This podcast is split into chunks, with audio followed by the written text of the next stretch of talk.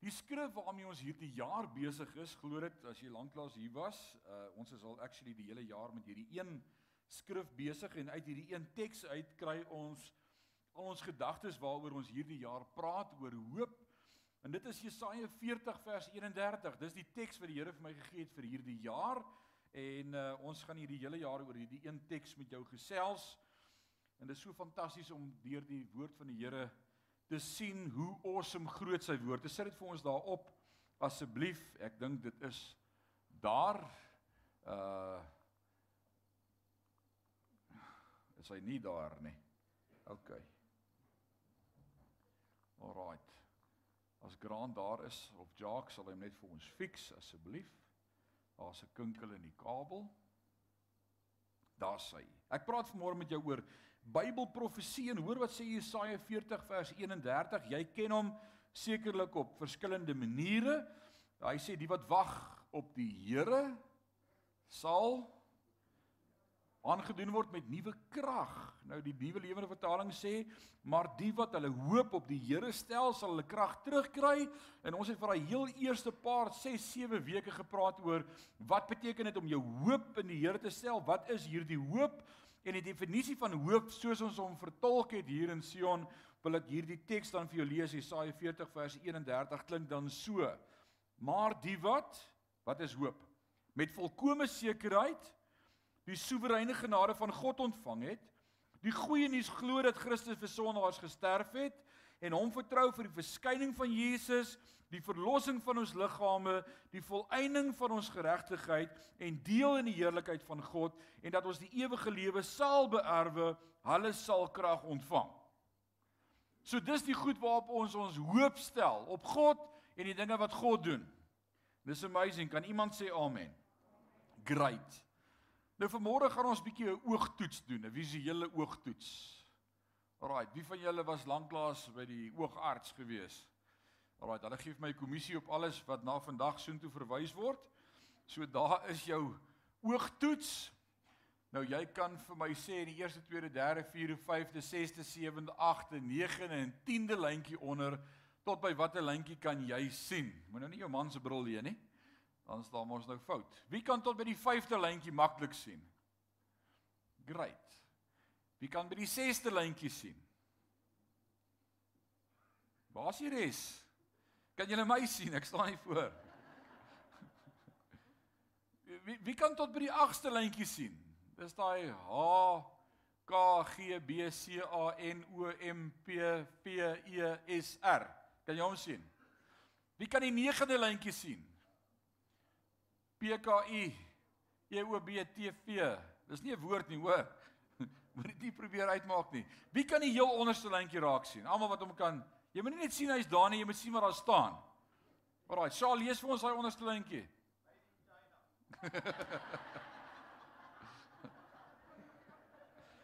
Saal, when a tata ma chance. right, daai onderste lyntjie is D K N T W I L J G P X V M R A H C F O Y Z Q. Dis die laaste lyntjie. As jy hom kan lees, op 20 meter van die bord af. That's roundabout shawl waar jy sit. Alraight. Dan het jy 'n 2020 visie. Dis wat hulle sê. So die res uh Provision sê net vir haar ek het julle verwys. Laat sy net my kommissie bymekaar tel. Visie is belangrik. Nou sê niemand iets nie. As jy oud raak, oor 40, skielik 'n bril moet begin dra en jy begin jou sig verloor en jou sig raak belemmer, dan sien lewe nie meer lekker nie. As ek reg as ek so sê. Waar's ons seniors? Lukas, jy's nou nog nie by 'n senior nie, hoor. Dis nou hier ek moenie op tannie Rini pik nie. Sy raas met my. Sy sê ek pik altyd op haar. Maar maar dis nie lekker as as die visie nie meer daar is nie. As jy die Bybel wil vat en wil lees en jou arm raak skielik te kort want jy wil nie meer fokus nie en jy kan nie meer lekker sien nie. Dis 'n probleem. En so het ek en jy geestelike visie en ek wil vanmôre met jou praat oor Bybelprofesie. Dis ons tema vandag, Bybelprofesie. Wat beteken Bybelprofesie? Is daar 'n ding soos Bybelprofesie? Die woord van God is vol profeseë. Honderde profeseë. En dan sit ons elke dag met die woord van God en ek kry hier uit my antwoorde, die woord van die Here leer ons in die Psalmskrywer skryf dit, hy sê u woord is wat vir my? 'n Lig vir my, voet en 'n lamp op my pad. U woord, u woord gee lig. U woord gee rigting. U woord is 'n rigtingwyser, maar as ek en jy nie glo in die woord van God nie, gaan ek en jy geloofskrisis ontwikkel wanneer ons ons hoop op God wil stel, want ek gaan vra hy en sê maar ek weet nie of hierdie goed gaan gebeur nie. Ek weet nie of die woord waar is nie. Ek word nie weet nie of daai woord wat God vir my gegee het in vervulling gaan kom nie. Ek weet nie, ons hoop maar. Nee, die woordjie hoop is 'n vaste hoop. Hebreërs 11:1 sê geloof dan is 'n vaste vertroue, sê saam my vaste vertroue op die dinge wat ek hoop. 'n Bewys van die dinge wat ek nie sien nie. Ek weet dit met my hele hart, ek hoop dit nie. En baie keer gebruik ons die woord hoop sommer so ligtelik. Ek sien Woensdag kom die koue en dan sal jy sê ag ek hoop nie so nie. So ligtelik. Die woord hoop is gewigtig. Die woord hoop is 'n sekerheid, is 'n anker, is iets wat vas staan. Dis not a pie in the sky. Ek weet dit dat ek dit weet. Nou vanmôre wil ek uit Bybelprofesie uit bietjie met jou saam kyk en ons skryf ons teks vanmôre in Titus. Daar agter in die Bybel as jy so terugblaai van Openbaring af, voor Openbaring kry jy uh 3 Johannes, 2 Johannes, 1 Johannes, as jy nog so 'n bietjie terugkom, terugkom tot by Titus. Klein boekie, 3 hoofstukkies. Kort boekie, jy kan hom in 20 minute deurlees. Dit is actually Paulus se laaste brief wat hy skryf aan Titus, sy disipel en dan as hy met Titus praat in Titus 2 vers 11 tot 15 gaan ons uit daardie versies vanmôre ons gedagte kry. Titus 2 vanaf vers 11. Is almal daar by Titus? Nee, kyk as jy Openbaring af terugkry, kry jy Judas, Johannes, Petrus, Jakobus, Hebreërs, Filemon, Titus, net na Timoteus. Het jy hom? Right, nou kom ons lees saam uit Titus hoofstuk 2 vanaf vers 11 vir die wat nie Bybels kerk toe bring nie. Dit is op die bord. Die liefdevolle goedheid van God wat verlossing bring, het inderdaad vir almal sigbaar geword. Dit voed ons op om die goddelose leefstyl en die wêreldse begeertes af te lê en gebalanseer volgens die wil van God en toegewyd aan hom in die huidige tyd te leef. So hoe wil God hê moet ek en jy lewe? Los van sonde, vry van sonde, los van die goddelose leefstyl, gebalanseerd volgens die wil van God en toegewyd aan hom in die huidige tyd te leef. Sê toegewyd aan hom. So God wil hê my en jou fokus moet in toewyding aan God lê. Dit waarmee ons ons besig hou, dit waarmee ek my dag ombring, dit wat die belangrikste deel van my dag vorm, toegewyd aan God. Nou sommer net op hierdie eerste vraag, weet jy nou al vanmôre vir wie hierdie preek bedoel is, né? Leef ons regtig toegewyd aan God? Dis die vraag. Dis die opdrag, dis wat Paulus hier skryf vir Titus. Hoor wat sê vers 13. Ondertussen sê saam my ondertussen. Wat is die woord ondertussen? Terwyl in the meanwhile. Terwyl ons dan nou nog hier is tussen ondertussen op pad waarheen van waarheen af? Van 'n lewe van sonde af waarheen? Hoor wat sê hy? Ondertussen sien ons uit dat die wonderlike hoop wat ons koester 'n werklikheid sal word en dat die heerlikheid van ons groot God en verlosser Jesus Christus sigbaar sal word. So waarheen hoop ons? Waarop is ons hoop? hoop is op hom. Ons hoop is waarop dat hierdie 'n werklikheid sal word. Hierdie hoop wat ons koester, 'n werklikheid word en dat die heerlikheid van ons groot God en verlosser Jesus Christus sigbaar sal word. Die Hebreërs skrywer kom en dan sê hy, want die skepping wag met reikhalsende verlange op die openbarmaking van die seuns van God want die skepping sug en ons sug en saam sug ons waarvoor dat God se heerlikheid sal gestalte kry. Ons is nog nie in die hemel nie. Weet jy dit? Kyk gou wie sit langs jou. sien jy, ons is nog nie daar nie. Ons is nog hier. Ons is nog nie in die hemel nie. Sy's verkeerd as hy sing en sê ooh heaven is a place on earth. Dis nie. Dis glad nie die hemel hierdie nie, maar ons hoop is op die hemel dat Jesus Christus sigbaar sal word. Vers 14 sê hy het sy lewe vir ons gegee om ons los te koop van alles wat voor God verkeerd is. Sê met my alles. So waarvan wil God jou losmaak? Alles. Wat 'n sonde is te groot vir God om my en jou van te verlos niks. Hy wil ons losmaak van alles. Alles wat voor God verkeerd is. En om ons te reinig van sê saad my alle sonde. Alle sonde sodat ons sy volk kan wees wat net aan hom behoort. Entoesiasties om die goeie te doen. Oor hierdie dinge moet jy praat. Met gesag moet jy ook bemoedig en teregwys Moenie toelaat dat iemand jou geringskat nie. So vandag wil ek met jou praat oor visie, jou geestelike visie. Want hoor wat sê vers 13, hy sê ondertussen sien ons daarna uit dat 'n wonderlike hoop wat ons koester 'n werklikheid sal word. Met ander woorde, dit wat ek my visie op fokus, waarop hoop ek? Waarna kyk ek? Wat verwag ek? Wat 'n verwagting het ek en jy?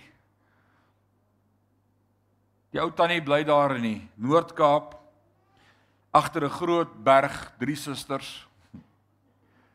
En elke middag 04:30 as die son agter die berg inskuif, dan word dit pikdonker daar by haar in die vallei.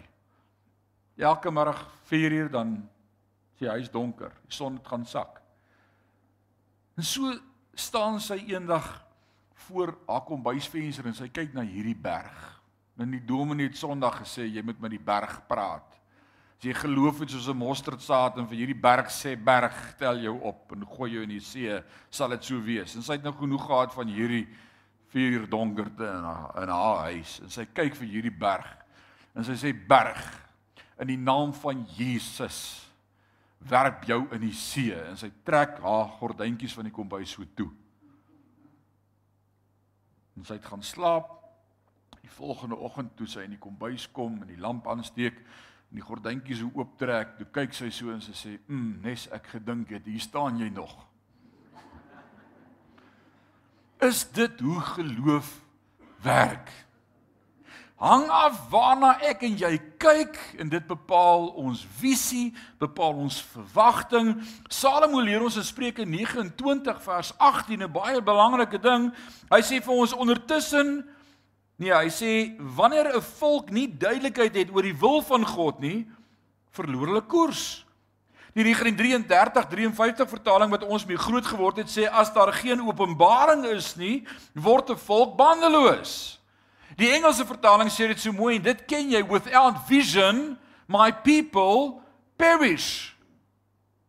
Without vision. So waarop is my visie? Waar's my fokus? Waarop kyk ek? Waarop is ek ingestel? Waarop zoom ek in? Wat hou my radar en my antenna regop? Die nuus? Die gebeure van ons dag? My gesondheid? My bankbalans? Waarop is my fokus? Die woord van die Here sê ons hoop moet op hom wees. Alraight. So ek wil vanmôre saam met jou gesels en dink oor dit wat ons al rondom Bybelprofesie in die afgelope paar generasies sien gebeur het. As ek vanmôre moet raai, dan dink ek hier sit omtrent so 4 generasies voor my. Kan ek sien wie's hier van 1946, 44 afgebore tot in 1964. Almal wat in daai era gebore is, dis mos nou die baby boomers. Dis julle ja.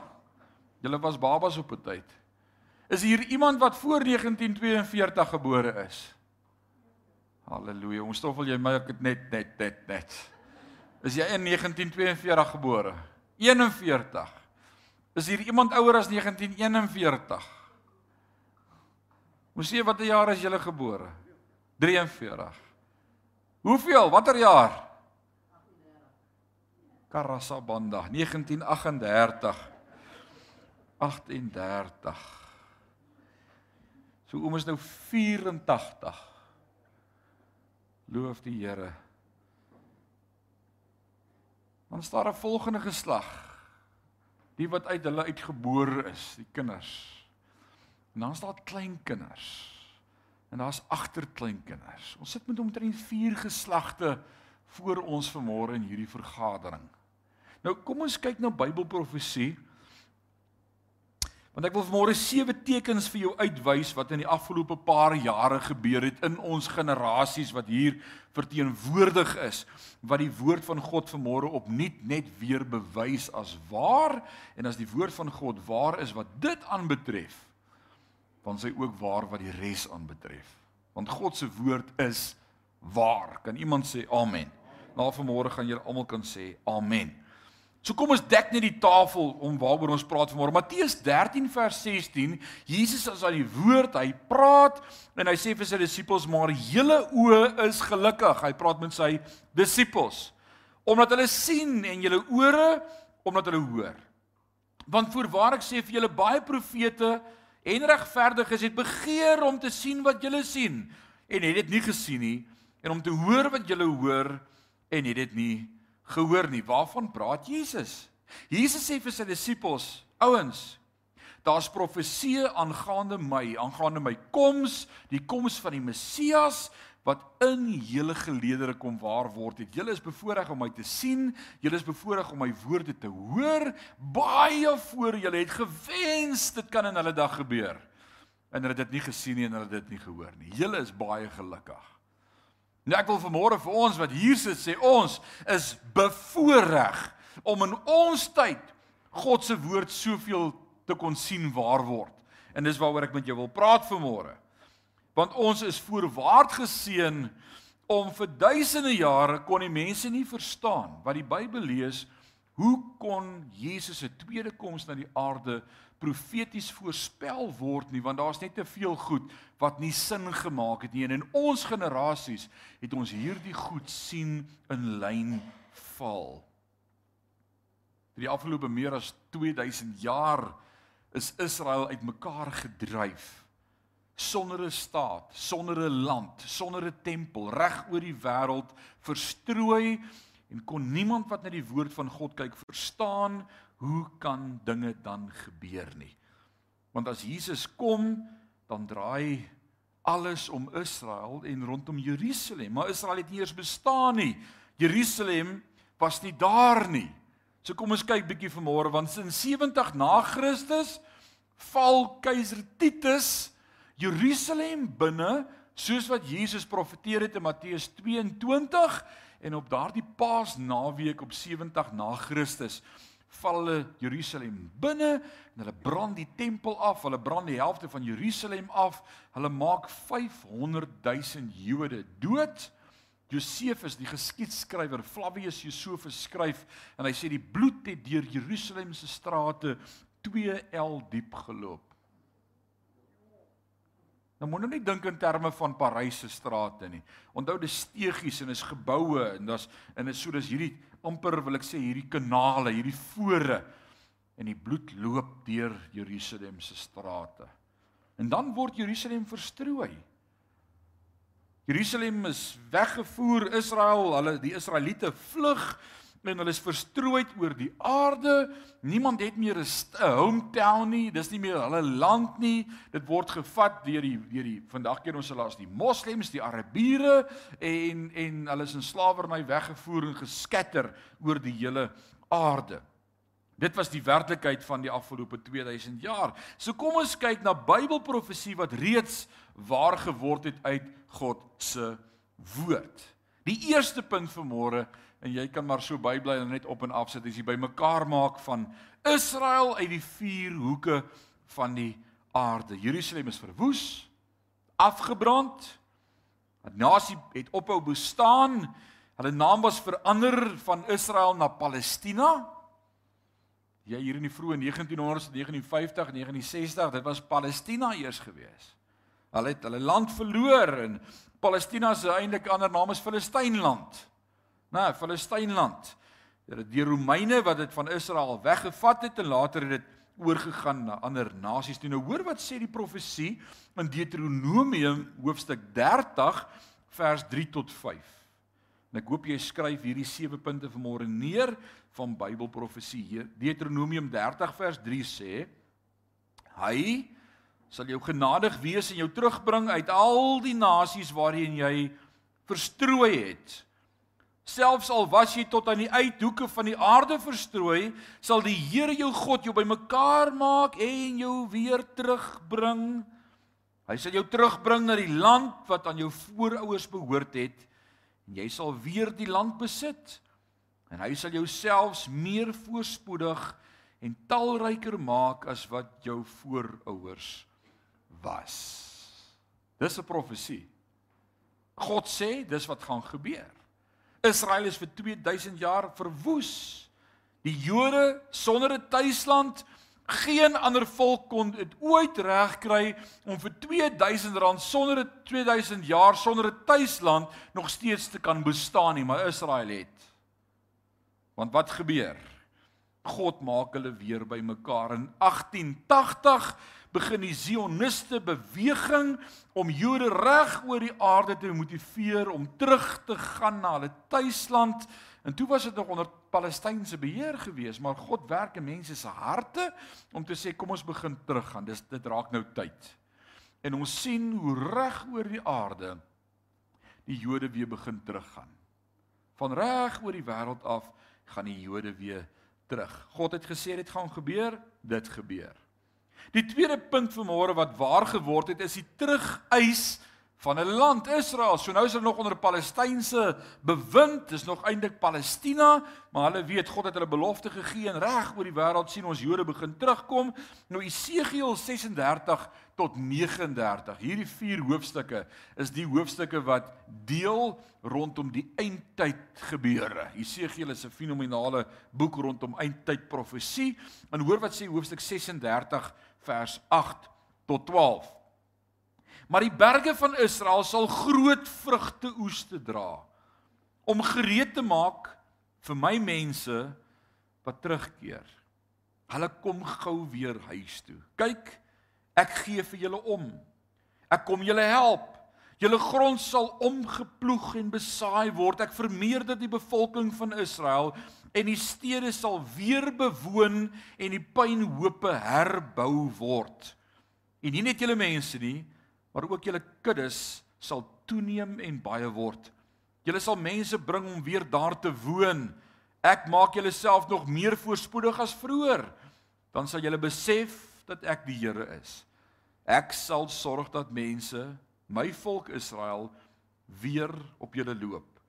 En julle sal hulle erfposie wees.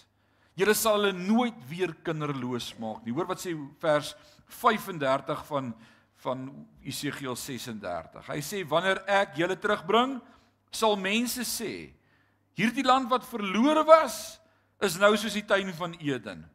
Die stede wat verlate in pyn gelê het, is nou versterk en vol mense. Dan sal al die buurnasies wat oor is, besef dat ek, die Here, die pynhope herbou het en die verlate landerye wat beplant weer beplant het want ek die Here het die het dit beloof en sal dit doen. En gaan kyk maar, wie van julle was al in Israel? Kan ek gou die hande sien? Right. Yes, ouens, dit was amazing. Dit was my voorreg om twee keer al in Israel te wees. En jy kan maar gaan kyk Israel, die Jesreel vallei, die area van Megiddo, die vrugte mandjie van die wêreld. Hulle is die wêreld se derde grootste produsent. Vrydag is ek en Sean daar by my ma se huis vinnig in en wat gee my ma vir ons? Waar Sean? Wat se vrug het sy vir ons gegee? 'n Persimmon. 'n Wat? Sharon fruit.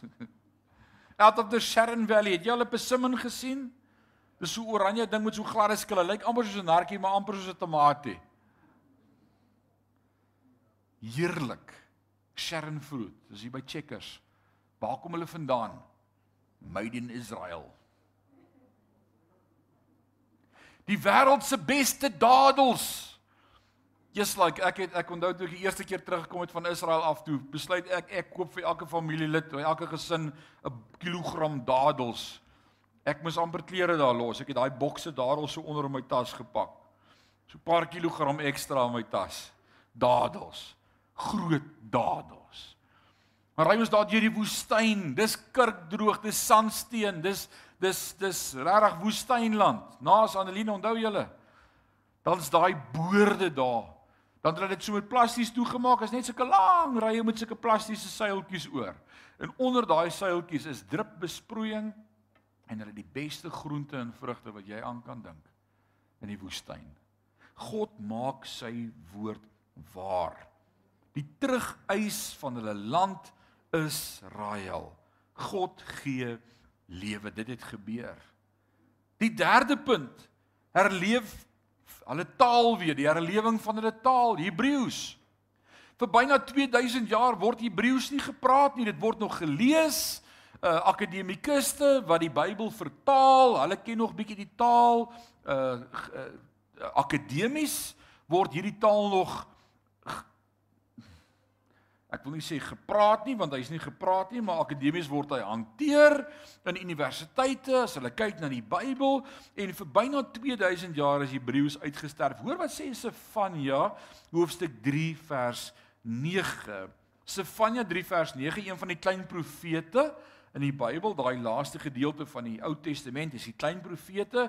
Hy sê in hoofstuk 3 vers 9, want dan sal ek aan die volke rein lippe bring sodat hulle almal die naam van die Here sal aanroep en hom met 'n een eenparige skouer sal dien.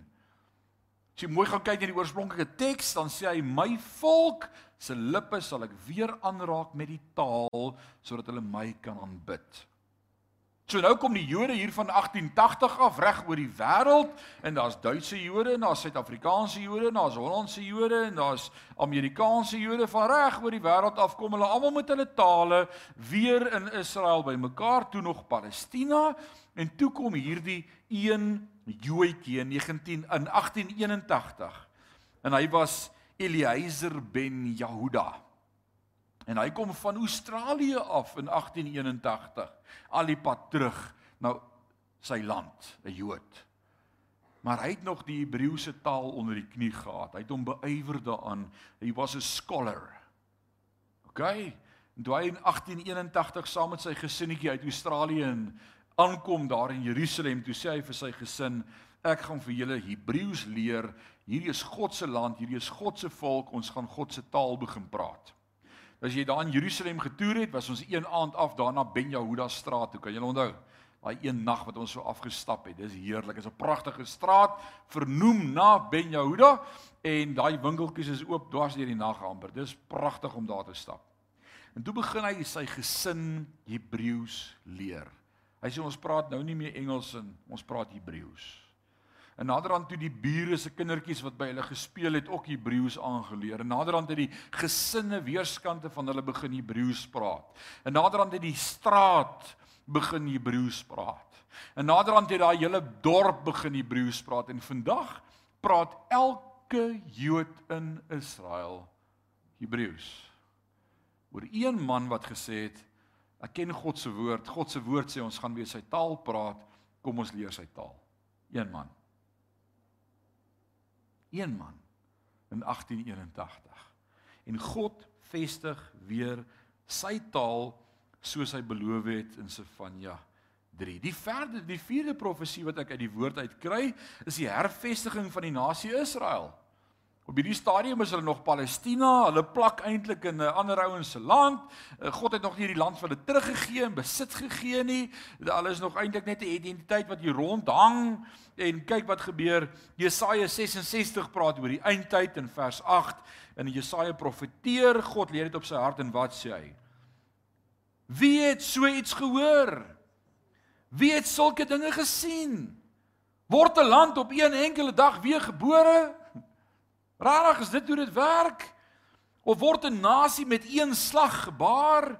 Want Sion het weer gekry met eens haar kinders gebaar. Sou ek naby die geboorte bring en dit nie laat baar nie sê die Here? Of sou ek wat laat baar selfs toesluit sê jou God? Wees bly saam met Jerusalem en juig oor haar almal wat haar liefhet. Wees vrolik saam met haar, baie vrolik almal wat oor haar treurig gewees het. God sê op een oomblik, op een dag gee ek 'n nasie terug, gee ek 'n land terug. God se woord sê dit. Jesaja 66 vers 8. En op een dag is 'n nasie wat verby verby in 2000 jaar verstrooi was op die 14de Mei 1948. Ons sê jy was al 'n mannetjie daai tyd. Kan jy dit onthou hom? Die 14de Mei 1948. Jy was 5 jaar oud gebeur daar reg oor die wêreld iets. Ewe skielik kry die nasie Israel geboorte. Israel word weer 'n nasie. November 1947 stem die Verenigde Nasies van die onafhanklike Joodse staat Israel weer te vestig en op 14 Mei 1948 gebeur dit wat God se woord reeds voorspel het in Jesaja 66. Nou hoe kan dit werk dat die Verenigde Nasies sou instem om vir Israel 'n land terug te gee wat nou aan Palestina behoort het? Wie het in hulle harte gewerk om te wil? Die woord sê God werk in ons harte om te wil. Wie het in Kores se hart gewerk? 'n 'n ou die die mede in Perse, nê, 'n koning wat God nie eens geken het nie. En God werk in sy hart en sê stuur Israel terug na hulle land toe dat hulle kan gaan die tempel herbou. God werk in mense se harte. OK? So wie het in die Verenigde Nasies se harte gewerk? God. Hoekom?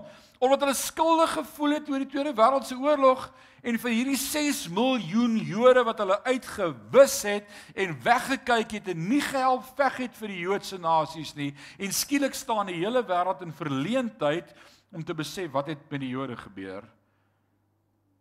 En hier kom die Verenigde Nasies en sê ag kom ons gee hulle troostprys en sê hulle kan hulle land terugkry. God werk in mense se harte en net God.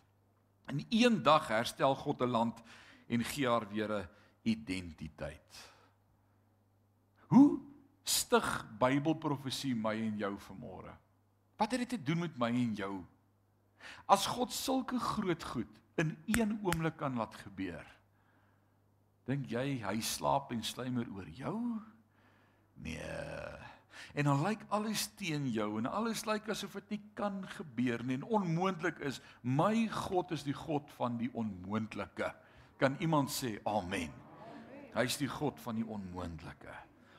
Die vyfde Bybelprofesie wat waar word is die herbesetting van Jerusalem. Want dis hierdie stadium Israel is 'n staat, maar die helfte van Jerusalem is nog onder onder die beheer van van die van die moslems, van die Arabiere en daar's dele in Israel wat nog onder hulle beheer is en wat gebeur? Hoor wat sê Jesus in Lukas 21 vers 24. Jesus gee lering aangaande die laaste dae en hy sê hulle sal deur die skerpte van die swaard val en as krygsgevangenes geneem word na al die nasies.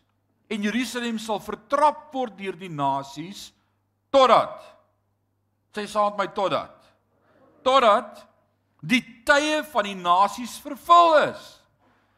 God sê ek gaan toelaat dat Jerusalem vertrap word deur nasies, maar net tot daardie dag dat ek sê dis tyd. God sê totdat En Jerusalem was nie onder Joodse Joodse beheer nie. Die Arabiere het Jordanië beheer en die, die weste muur. Die Israeliete kon nie eers by die weste muur gaan bid by die klaagmuur van die tempel nie. En dan in 1967, wie het al gelewe daai tyd? Steek gou die hande op 1967. Maar julle moet dit onthou, die 6 dag oorlog van Israel. Lukas, hoe oud was jy toe? 3. Jy sal dit nie onthou nie. Alraight. 1967, die 6 dag oorlog vat Israel die Arabiere aan en vir 6 dae 'n ongelooflike oorwinning en hulle neem weer beheer oor die Golan gebergte, oor die ou stad in Jerusalem en God gee vir hulle 'n wonderlike oorwinning. Dis amazing, dis net God wat dit kan doen. Ek gaan nou vir jou 'n manier of twee vertel van hoe hulle dit reg gekry het, want dis my 6ste profesie wat waar word, dis die hervestiging van militêre kragte. Ek weet nie wanneer laas jy bietjie die nuus gekyk het nie, maar Israel se militêre hulle lugmag en hulle weermag en hulle vloot is van die beste in die wêreld. Tegnologie uh, van die beste. Ek weet so 15 jaar gelede het ek sagte ware aangekoop van Israel af wat daar ontwikkel is wat ons antivirusprogramme kon nog nie daarby kom nie. Israel ontwikkel dit. Hulle het van die beste ingenieure, van die beste tegnologie. Hulle is voorlopers in die wêreld. God profeteer vir ons in Sagaria 12 vers 8 en 9. En hy sê Israel gaan weer 'n weermag wees, 'n krag wees om die rekening te hou. Nou hoor wat sê Sagaria 12 vers 8 en 9. In die dag nou enige plek waar die Bybel praat oor die dag, dan is dit eindtyd. Die laaste dag, die laaste tyd, die laaste greep. Nou onthou net een ding, 'n dag is by die Here soos 'n 1000 jaar en 'n 1000 jaar soos 'n dag. So jy sê die Here sê die laaste dag Wat so. Right. Hoe klink of hulle die smokemasjien aangesit het? Ons het nie een nie. Alright. Sagaria 12 vers 8 sê en die dag sal die Here die inwoners van Jerusalem rondom beskud en die struikelinge onder hulle sal in die dag wees soos Dawid en die huis van Dawid soos 'n hemelse wese soos die engele van die Here voor hulle uit. Ook sal ek in die dag daarna soek om al die nasies wat teen Jerusalem aankom te verdelg. God sê ek gaan hulle hervestig, die swakste in hulle weermag sal so sterk wees soos Dawid. Nou wie was Dawid? Wie was Dawid? 'n Man af God se hart. Dawid vir Goliat doodgemaak met 'n slingervelletjie. Dawid het nie die slimste maniere gehad nie, maar hy het God aan sy kant gehad. Right? Israel is 'n slim nasie ouens. In daai 6 dag oorlog, die einde van die 5de dag, daai aand, toe hulle vasgekeer daar in die Golan gebergte in 'n vallei en al die Arabiese troepe het reg rondom hulle stelling ingeneem. Israel gaan hierdie oorlog verloor. Hulle het net 'n handjievol Bedfords en 'n uh, paar kanonne daar. En daai aand sê hulle, "Wat gaan ons maak? Want môreoggend as die son opkom, gaan dit verby wees met ons. Ons gaan nie hierdie oorlog wen nie. Hulle het om ons ontsingel, 'n laar om ons getrek." En hulle bid daai aand en God gee vir een ingenieur wat hy hy was hy was daar by die visie manne wat die tiffies, né? Nee, hy was 'n tiffie gewees. Hy hy het aan die motors gewerk in die weermag. Hy kry 'n idee en hy sê vir hulle, "Kom ons doen iets.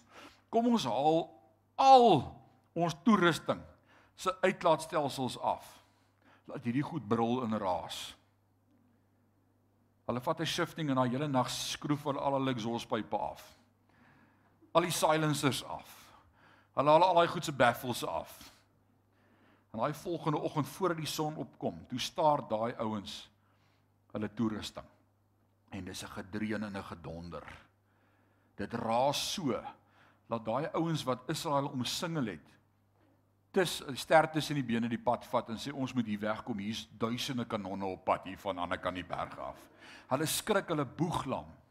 En sonder om een skoot te skiet op die laaste dag het Israel 'n oorwinning en kry hulle landgebied terug. Fenomenaal God seën hulle planne. In daai selfde 6 dag oorlog nou Israel het op daardie stadium 'n paar vliegtye gehad van Mirages wat hulle van Amerika af oorgeneem het. Dit was gebruikte Mirages geweest. Hulle is nog 'n nuwe jong opkomende geslag en daar's 'n paar MiG vliegtye van Rusland af en hulle is agter hierdie Israeliete aan. En Israel skiet al 5 daai MiGs af. En Israel verloor nie een vliegtyg nie. En ek lees 'n onderhoud wat hulle gevoer het met een van die bevelvoerders van die weermag op daai stadium en sê, "Maar hoe het julle dit reg gekry? Julle het nie tegnologie nie, julle het nie radar nie, julle het nie hoe hoe het julle dit reg gekry?" En hy sê, "Ons moes 'n plan maak. Ons het vir ons vliegtye drie spoeltjies opgesit. 2 dollars and 60 cents." Oh man. God seën hulle met planne om vir hulle vliegtye drie speeltjies op te sit. Dis wat God doen. Dis sy volk. Alraight. Die sewende profesie van môre en ek maak klaar. Die herfokus van wêreldpolitiek op Jerusalem. Jy kan enige dag die TV aansit en nuus kyk. Enige artikel lees oor wêreldgebeure en iewers gaan Israel se naam oppop want alles gaan rondom Israel. Almal wil met Israel iets te doen hê. Almal het iets besig met Israel. Almal wil vrede gaan maak in Israel. Ou Trump was die eerste ou wat so 'n paar jaar terug hierdie skuif gemaak het om te sê ons erken weer Jerusalem as die hoofstad van Israel en almal het gedink die dag as Trump dit doen gaan die derde oorlog wêreld derde wêreldoorlog uitbreek. Maar wat gebeur toe? Niks. Want is God se land. En God bepaal tye. En God het alles in sy hand. Hoor wat sê Sagaria 12 vers 2 en 3. Kyk, ek maak Jerusalem vir al die volke rondom tot 'n beker van bedwelming. En ook teen Juda sal dit wees tydens die belering van Jerusalem. En in die dag maak ek Jerusalem tot 'n baie swaar klip vir alle volke.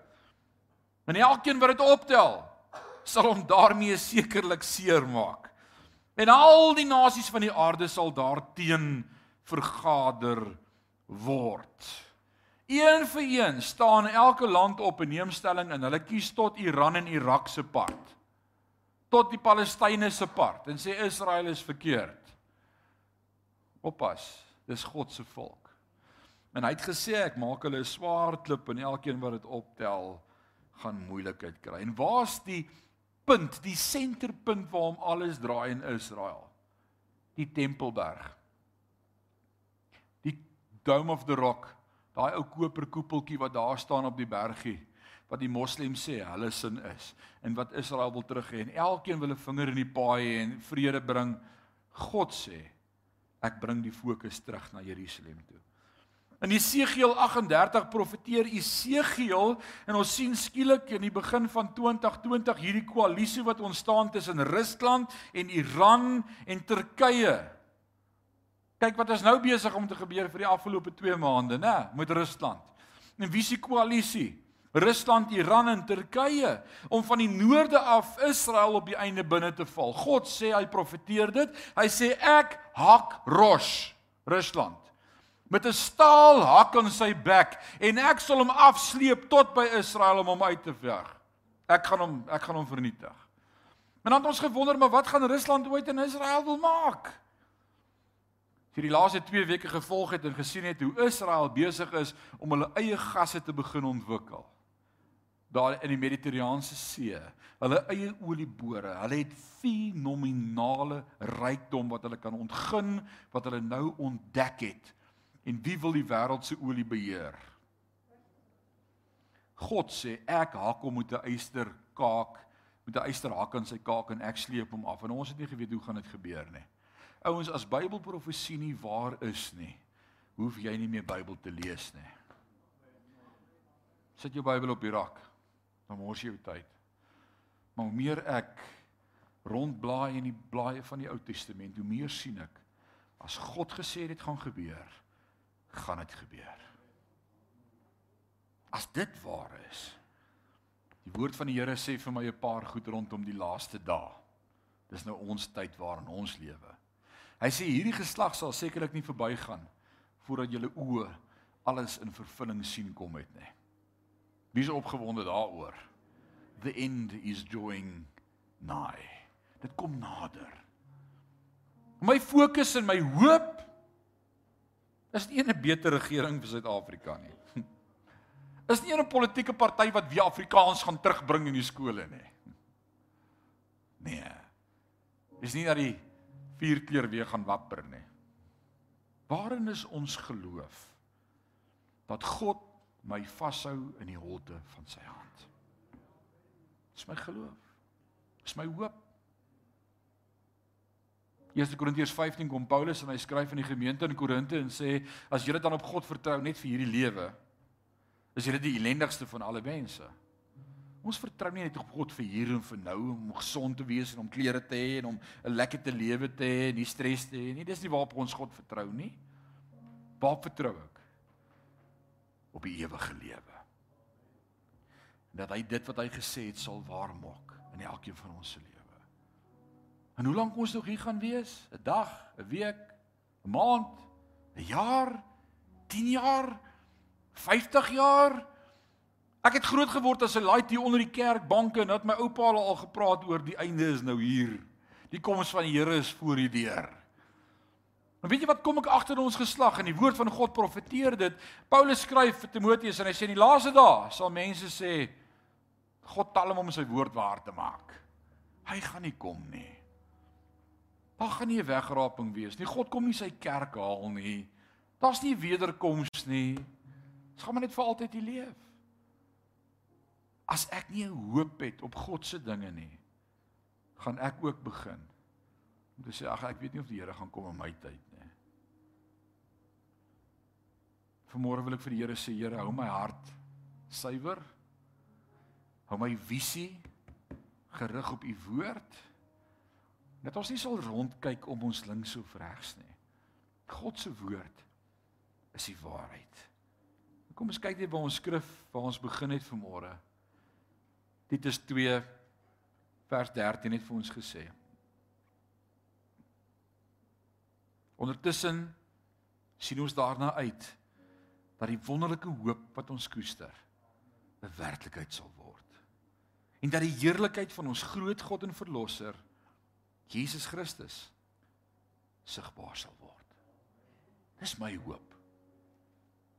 Ek bid vanmôre dat dit saam met my ook jou hoop sal wees vanmôre om te sê as ek een ding hoop dan sou dat hierdie dinge sal gebeur. Dat Jesus my sal vashou dat daar 'n heiligheid sal toeneem in sy kerk dat ons het laasweek daaroor gepraat dat ons instrumente sal wees in die hand van die Here dat God ons kan gebruik dat ons 'n verskil sal maak in en om Parys dat dat ons regtig God sal lewe en sal wys vir 'n wêreld wat God baie nodig het. Baie nodig het. Ek wil vanmôre opnuut my visie op hom stel. Ondertussen sien ons daarna uit dat die wonderlike hoop wat ons koester 'n werklikheid sal word. En dat die heerlikheid van ons groot God en verlosser Jesus Christus sigbaar sal word. Is dit waarmee jy ook vanmôre God vertrou? Is dit waarvoor jy hoop? Is dit jou hoop? As dit nie is nie, die moeilikheid. As jy hoop op ander goed gebou is, gaan jy moeilikheid hê. Jesus vertel vir ons daardie gelykenis van die man wat sy huis op die sand gebou het. Die storm het gekom, die reën het gekom en die golwe het gekom en daai huis het in mekaar geval. Maar hy wat sy huis gebou het op Jesus Christus, op die rots. Hier's die rots. Die woord van God. Die storms het vir hom ook gekom. Wie weet in 'n kind van God se lewe kom die winde nogal baie. En die storms is nogal baie. En die reën is nogal baie en die vloede is nogal baie en die golwe is nogal baie. Maar dank God, die woord sê, die huis het bly staan.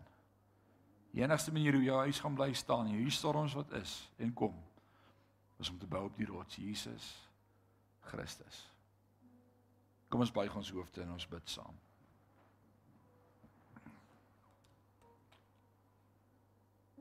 Vader, wat 'n Heerlike voorreg om vanmôre deur u woord te blaai. Sommige ook te kan praat oor Bybelprofesie en hoe u woord waar word. Dink aan daai ou koortjie wat gesê het if you could do it then you could do it again. U woord bly waar. U woord verander nie. Die woord sê sal u dit sê en dit nie doen nie. Nee, God is nie 'n mensekind dat dit hom sou berou nie. En as hy iets sê, doen hy dit en dit word waar. Dankie vir daardie wete wat ons vanmôre opnuut het dat U 'n waarmaker is van U woord. Dat U doen wat U sê. Vader, ons eer U vanmôre. U is anders as aardse vaders. U is nie 'n aardse vader nie. U maak waar en U gee en U is awesome en vanmôre wil ek opnuut bid Vader, help ons om ons hoop ons vaste vertroue alleen in U te stel, dan sal ons nie teleurgesteld wees nooit nie. En as die storms kom en teen hierdie huis aanslaan, dat ons daardie oorwinning sal beleef in Christus. What a day that will be when my Jesus I shall see.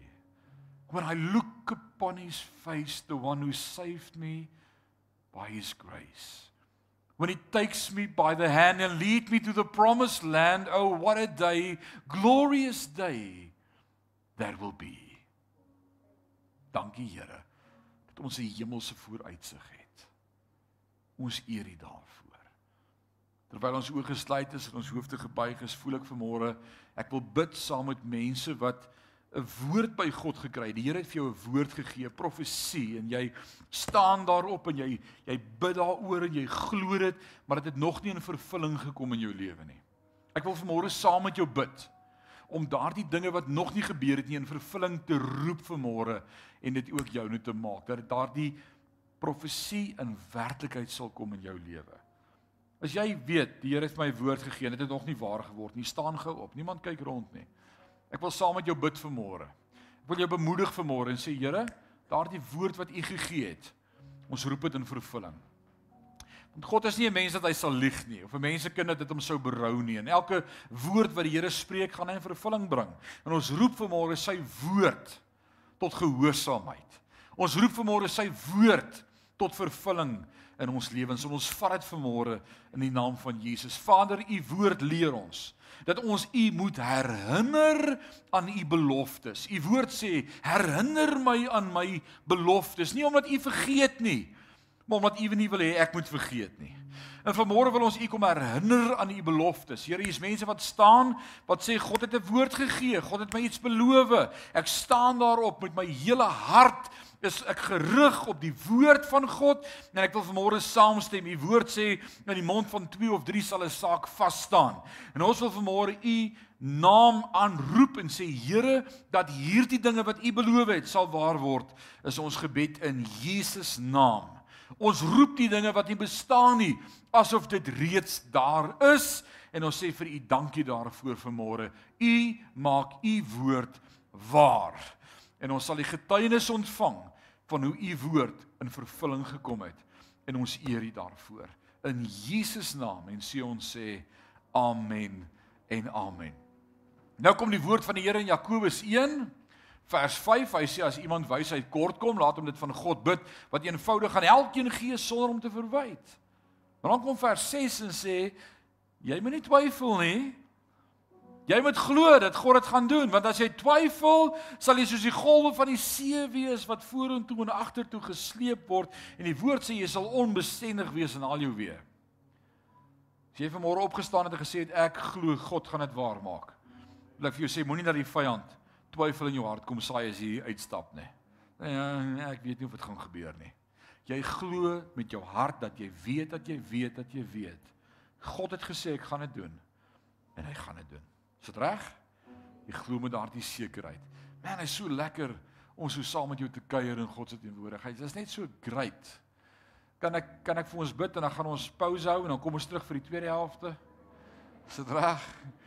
Waar's die dae wat jy kerk toe gegaan het vir die dag, Lukas? Kan jy onthou?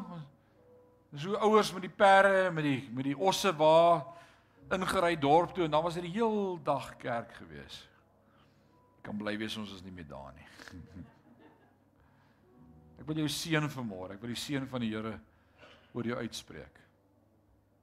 My gebed vir jou is dat God jou sal seën. Dat hy jou sal seën met sy teenwoordigheid, met sy nabyheid, met sy kosbare Heilige Gees. Dat jy elke oomblik van elke dag sal weet ek is nooit alleen nie, maar hy's by my. Hy praat met my. Dat jy sy stem sal hoor. Ek wil ook oor jou uitspreek vanmôre dat jy gehoorsaam sal wees. Dat daar waar jy jou voet neersit, die woord van die Here leer ons dat dit aan jou sal behoort. Dat God vir jou sal wees en met jou sal wees elke oomblik van elke dag. Gaan in sy vrede. Amen. En amen. Die Here seën jou, mag jy 'n awesome dag hê. Amen.